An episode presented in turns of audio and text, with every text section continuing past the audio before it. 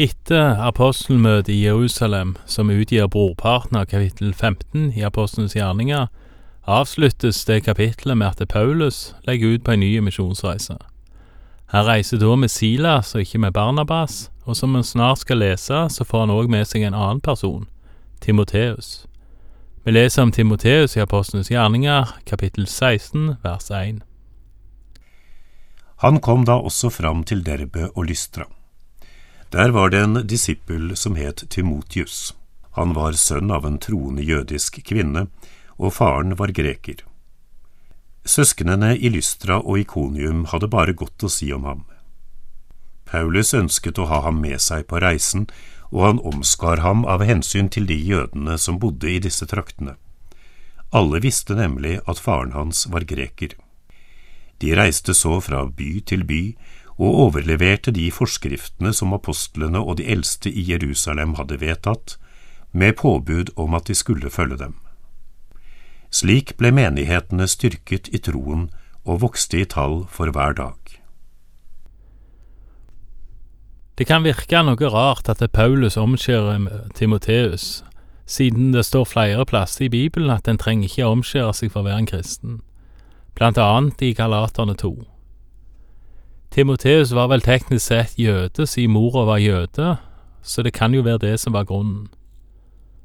Og sånn sett så var han jo verken helt jøde eller helt hedning, for å sette det litt på spissen. Men dette vet vi jo ikke heilt.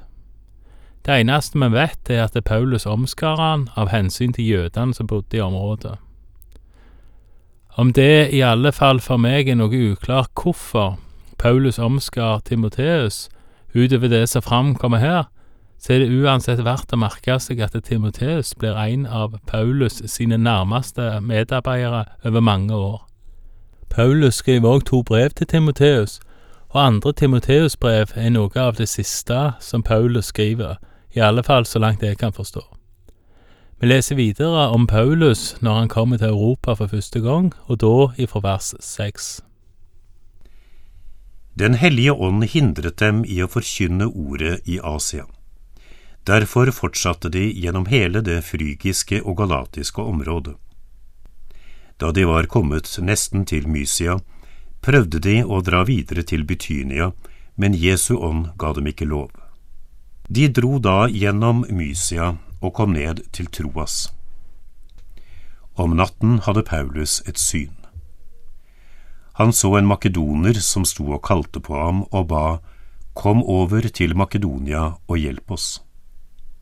Da han hadde hatt dette synet, forsøkte vi straks å komme til Makedonia, for vi skjønte at Gud hadde kalt oss til å forkynne evangeliet der. Vi stakk til sjøs i Troas med kurs for Samotrake og kom dagen etter til Neapolis. Derfra bar det videre til Filippi, en by som ligger i det første distriktet i Makedonia og er romersk koloni. I denne byen ble vi noen dager. På sabbatsdagen gikk vi utenfor byporten til en elv hvor vi mente det var et bønnested. Der satte vi oss ned og talte til kvinnene som var samlet. Blant tilhørerne var det en kvinne fra Tyatira som het Lydia. Hun handlet med purpurtøy og hørte til dem som dyrket Gud. Herren åpnet hennes hjerte, så hun tok til seg det Paulus sa. Sammen med alle i sitt hus ble hun døpt, og hun ba oss, Kom og bo i hjemmet mitt, så sant dere mener at jeg tror på Herren.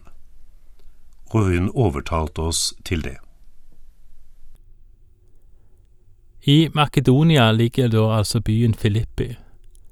Når Paulus seinere skriver Filipperbrevet mens han er i Roma i starten av 60-tallet, er det nettopp den menigheten og menneskene han ble kjent med i Filippi, han skriver til. Og det er en menighet som fyller Paulus med glede når han ber for dem, som en kan lese om i starten av Filipperbrevet. Men nå leser vi altså om første gangen Paulus kom til Filippi.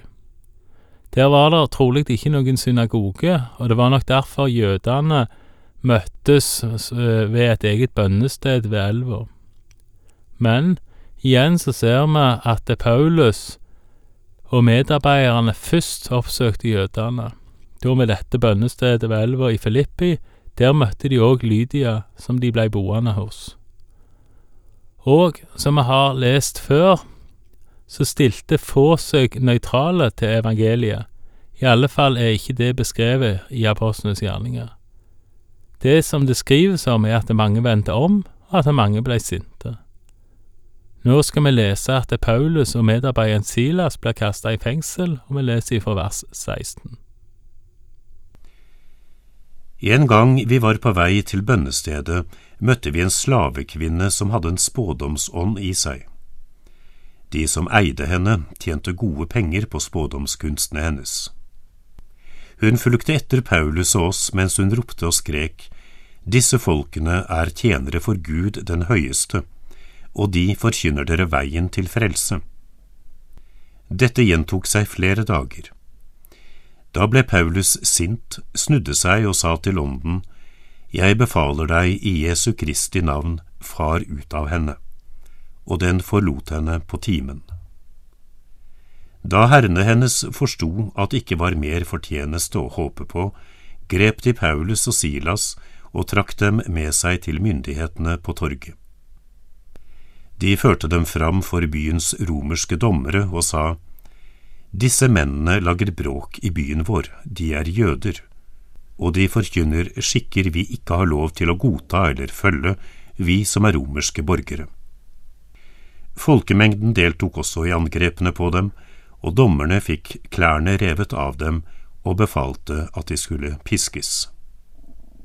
De fikk mange slag og ble satt i fengsel, og fangevokteren fikk ordre om å vokte dem godt.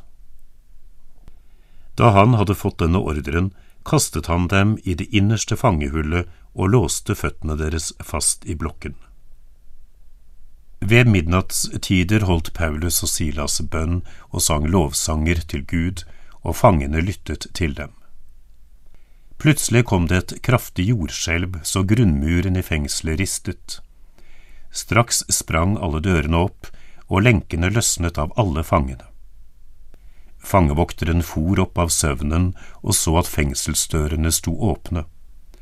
Han grep et sverd og ville drepe seg fordi han trodde fangene var rømt. Men av all sin kraft ropte Paulus til ham, ikke gjør deg selv noe vondt, vi er her alle sammen. Fangevokteren ba om å få lys, løp inn og falt skjelvende ned for Paulus og Silas.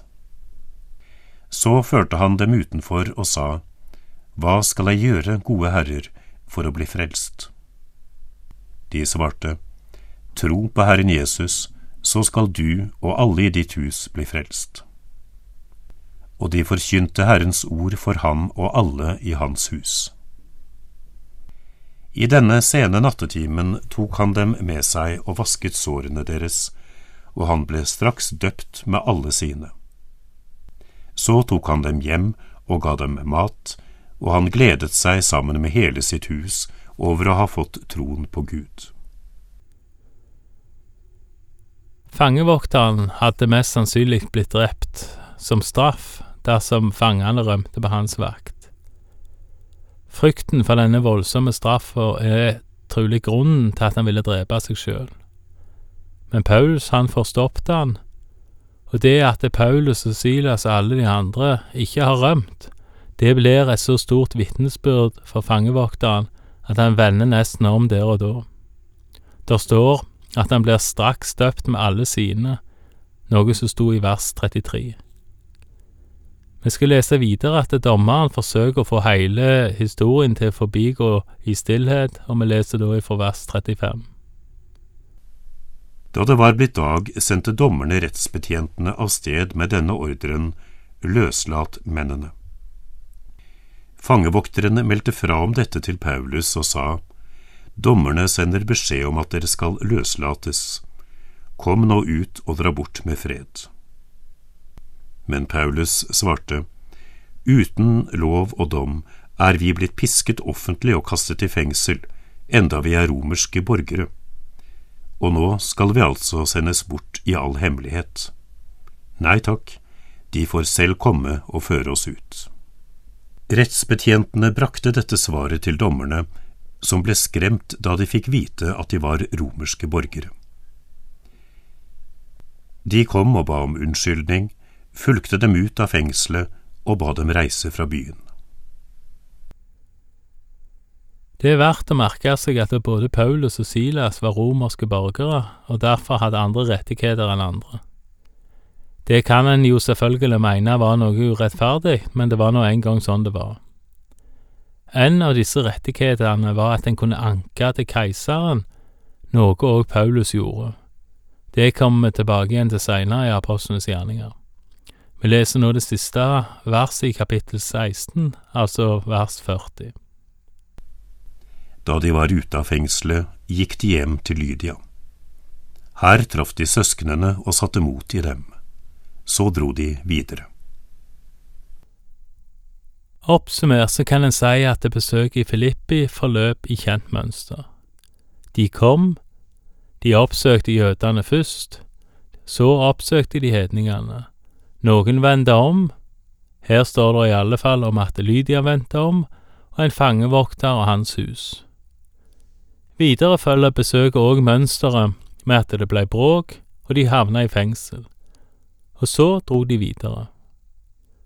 Men igjen så er det sånn at det er noe som blei igjen. Guds ord blei igjen, for det var sådd òg i Filippi, og det vokste òg der. Takk for i dag, og Herren være med deg.